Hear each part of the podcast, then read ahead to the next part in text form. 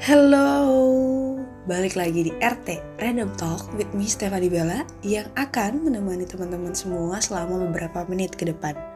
Ya, semoga sih nggak bosan karena ini sebenarnya memang akan berisi bacot gue sendiri. Yang harapannya sih semoga bisa bermanfaat buat teman-teman semua. But anyway sebelum itu, kayaknya udah lama banget ya gue update podcast lagi. Ya, tolong dimaklumi lah ya perempuan satu ini tuh kayaknya emang banyak maunya tapi lebih banyak lagi malasnya oke okay, untuk mempersingkat waktu kali ini gue sengaja nggak mau lama-lama ada opening kayak kemarin. Karena buat apa juga lah ya namanya juga random. Masih harus diatur sedemikian rupa. Kecuali nanti akhirnya tuh kayak gue ingin menseriuskan podcast ini. Tapi ya itu dipikirin nanti aja lah. Karena kayaknya kalau sekarang masih burem masih jauh gue juga masih pengen iseng-iseng aja bikin ini sebagai pelampiasan pelampiasan hobi ngebacet kali ya dan hitung-hitung bisa jadi temen lo kalau lagi gabut mungkin ya oke gitulah intinya oke sesuai judul yang udah jelas tertera pembahasan kali ini udah pasti tentang ting ting ting ting ting ting ting ting broken home terlalu semangat gak sih gue ngomongnya nggak kan ya Soalnya kan kalau kata orang-orang pembahasan ini tuh harusnya dibahasnya sedih, mellow. Ya tapi kalau sedih juga buat apa sih? Jujur, uh, buat gue itu hal yang menarik sih. Ketika gue sudah sampai di titik sekarang, gue merasa dan sering bertanya-tanya kenapa ya, kenapa orang-orang kalau membicarakan tentang ini tuh harus harus dengan reaksi yang sedih. Kenapa orang-orang kayaknya membicarakannya jadi kelihatan mengasihani kita. As you know, dan kayaknya udah banyak juga yang tahu karena memang sempat gue singgung di Instagram. Tapi kalau yang belum nggak tahu ya gue kasih tahu lagi kalau gue pun berasal dari keluarga broken home and now I'm proud of it.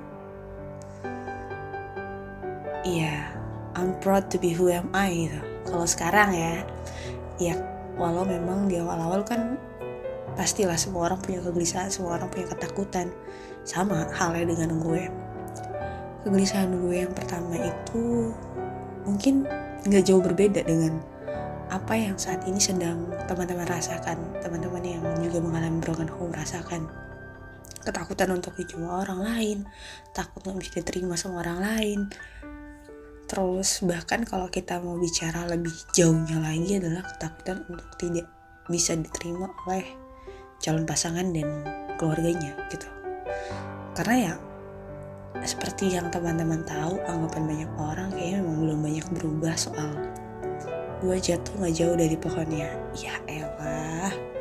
Padahal kalau ketiup angin jauh ya kan. So that's why mungkin itulah yang menyebabkan ketakutan itu hadir timbul. Kegelisahan itu juga hadir dan timbul di orang-orang yang melihat kita karena mereka takut bahwa sanya nanti kita bisa mengulangi kesalahan yang sama seperti yang pernah dilakukan oleh orang tua kita. Berpisah. Oke, kita mengacu pada kalimat orang tua. Bicara tentang orang tua. Siapa sih sebenarnya yang mau ngeliat orang tua yang berpisah? Gak ada, satupun gak ada. Gue yakin lah, ya gak mungkin dong. Kalau lo mengharapkan hal itu, siapa juga sih yang mau sampai jadi anak broken home? Nggak ada kan? Nggak ada dong. Tapi kita tuh nggak pernah tahu men.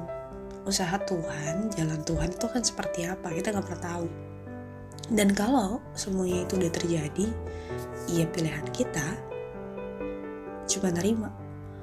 Mau gimana pun susahnya mau gimana pun ribetnya mau gimana aja usaha untuk nolaknya ujungnya cuma satu. Kita akhirnya akan sampai di titik mau gak mau lo harus terima. Kita bakal sampai di titik itu Mungkin saat ini lo akan marah dengan keadaan, tapi pertanyaannya adalah apakah kemarahan itu bisa mengubah keadaan? Apa sih yang bisa lo ubah dari sesuatu yang tidak pernah melibatkan lo di dalamnya? Ada? Ada nggak? Lo tidak diminta pertimbangan, lo tidak tahu pokok permasalahan yang apa, tapi lo cuma disisain keputusan.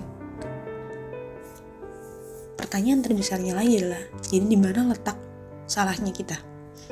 Di mana letaknya kita bisa di mana letak kita yang apa ya aku bilang di mana letak kita yang tidak tahu apa-apa ini malah jadi korban dan tempat di mana mereka bisa mencemooh dan membuli. Salahnya di mana? Dulu, gue merasa malu untuk mengakui bahwa, oh ya, orang tua gue berpisah. Gue malu untuk bilang itu ke teman-teman, gue malu untuk mengakuinya.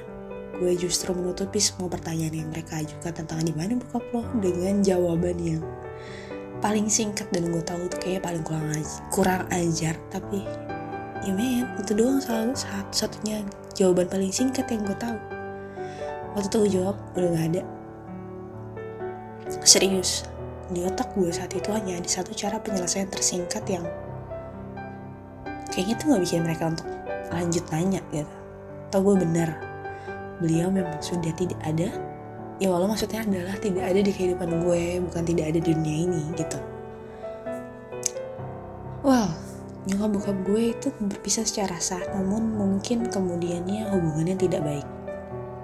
Beliau gak ada kabar sama sekali dan gue ditumbuh dibesarkan sama nyokap sepenuhnya dirawat dan dibesarkan oleh beliau tuh membuat gue jadi pribadi yang apa ya kalau gue bilang tuh mau mau tidak mau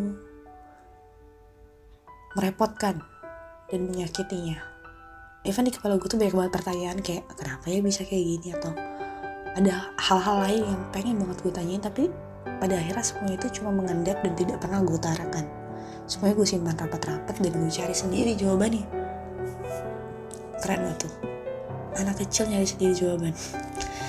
ya mungkin memang berat bagi teman-teman yang tidak terbiasa melakukan hal itu tapi pada akhirnya dari situ malah kita belajar banyak hal yang mungkin teman-teman lain yang punya orang tua lengkap tidak pernah mempelajarinya. Pernah mikir gitu gak lo? Long story short, setelah melewati banyak pemikiran, pemahaman, dan upaya buat menerima, gue akhirnya sadar bahwa oh iya, gue gak bisa mengubah apa pun di masa lalu, tapi gue tuh masih punya kesempatan untuk mengubah masa depan dengan hidup sebaik mungkin di masa sekarang. Udah gak? gue pada akhirnya menyadari hal tersebut gitu. Lama-lama sejujurnya gue tuh siapa untuk bilang bokap nggak ada. Sampai akhirnya ketika gue sudah bisa untuk berdiri di kaki sendiri gue berani untuk bilang oh iya orang tua gue bisa. Tapi itu nggak berarti apa-apa men. Toh gue bisa tetap seperti ini kok.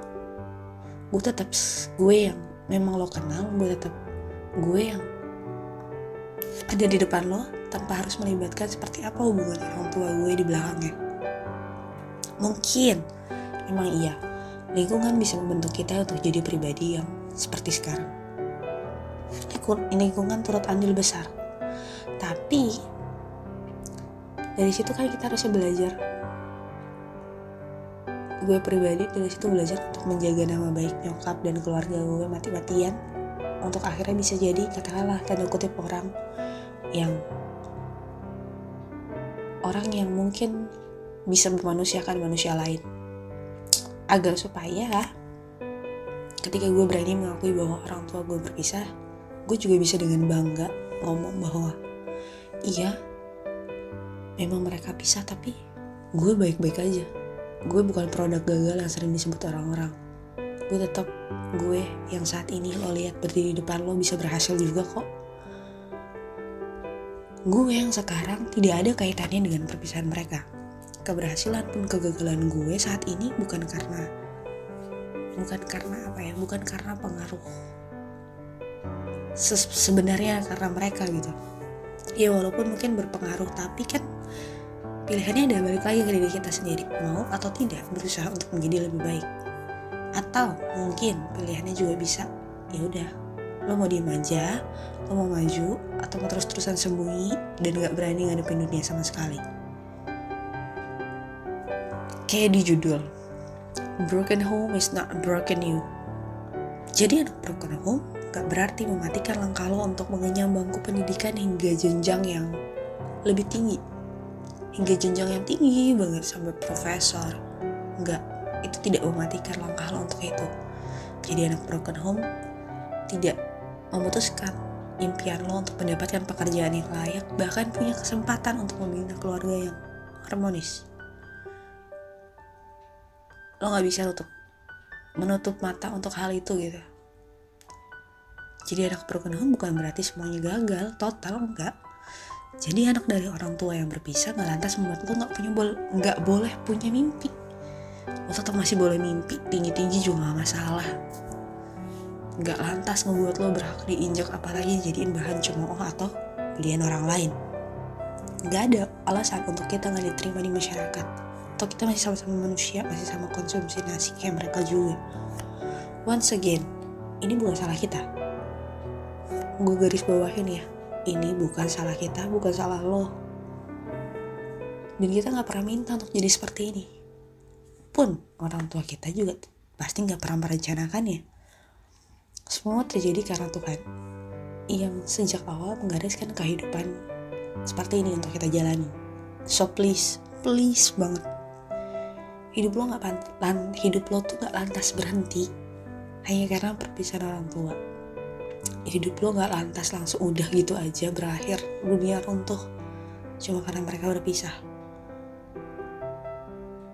mungkin lo sempat malu mungkin lo sempat tidak diterima di masyarakat atau mungkin lo pernah dicemooh untuk status lo saat ini. Tapi tolong ini udah waktunya buat lo bangkit.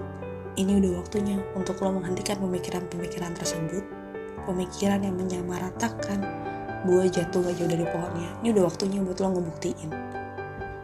Iya mungkin akan ada sikap atau sifat lo yang udah bawaan dari lahir dan itu warisan dari orang tua.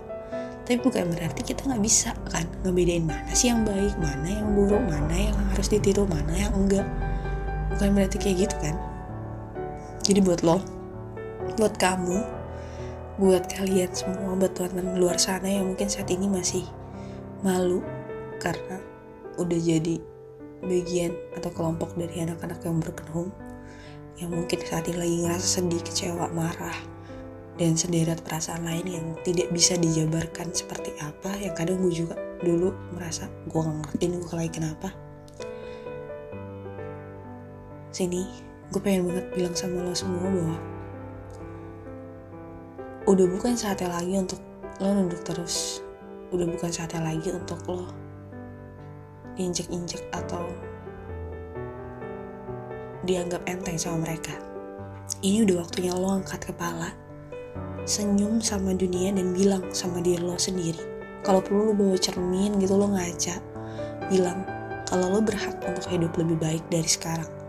Bahwa lo masih berkesempatan untuk hidup besok masih berkesempatan untuk bernafas esok hari. Karena lo udah berhak untuk dapat kesempatan yang lebih baik lagi. Iya minimal kalau gue aja ini bisa kenapa lo enggak? Ya enggak? Well bacot gue kayaknya udah banyak banget dari tadi. Ya maluin aja. Namanya juga random talk. Apa pun bisa dibahas di sini. Dan kalau lo berkenan lo ngerasa bacot ini setidaknya bermanfaat bisalah kasih tahu ke orang-orang mau dengerin juga. Ya siapa tahu semakin banyak yang bisa gue peluk. Siapa tahu semakin banyak yang bisa sembuh. Enggak sih. Gue tidak pengen terkenal juga dengan podcast karena gue tidak mengincar itu karena seperti yang pernah gue bahas di Instagram bahwa tujuan gue untuk terkenal itu adalah dikenal untuk sesuatu hal yang gue perjuangkan tapi ternyata udah berakhir. Ya tujuan gue saat ini cuma pengen jadi orang baik yang bisa membaikkan teman-teman semua yang bisa memeluk lebih banyak orang lagi. Harapannya sih cuma biar kita bisa berjuang dan bertahan sama-sama at least kita bisa sembuh bareng-bareng so udahan aja sampai situ dulu pembahasan gue yang random ini sampai ketemu lagi di podcast berikutnya yang semoga sih nggak ngaret lagi gue bikin ya dan kalau ada kritik saran atau bahasan yang pengen banget lo tahu dari sudut pandang gue seperti apa, feel free buat hubungin gue di email atau DM gue langsung di Instagram at hujan underscore mimpi. Eh tapi maafin aja kalau lama dibalas kalau di Instagram. So, terima kasih lagi sekali lagi gue bilang buat kalian. Terima kasih banyak karena sudah mendengarkan gue sejauh ini. Gue pamit. Salam damai, salam sayang untuk kalian semua. Annyeong!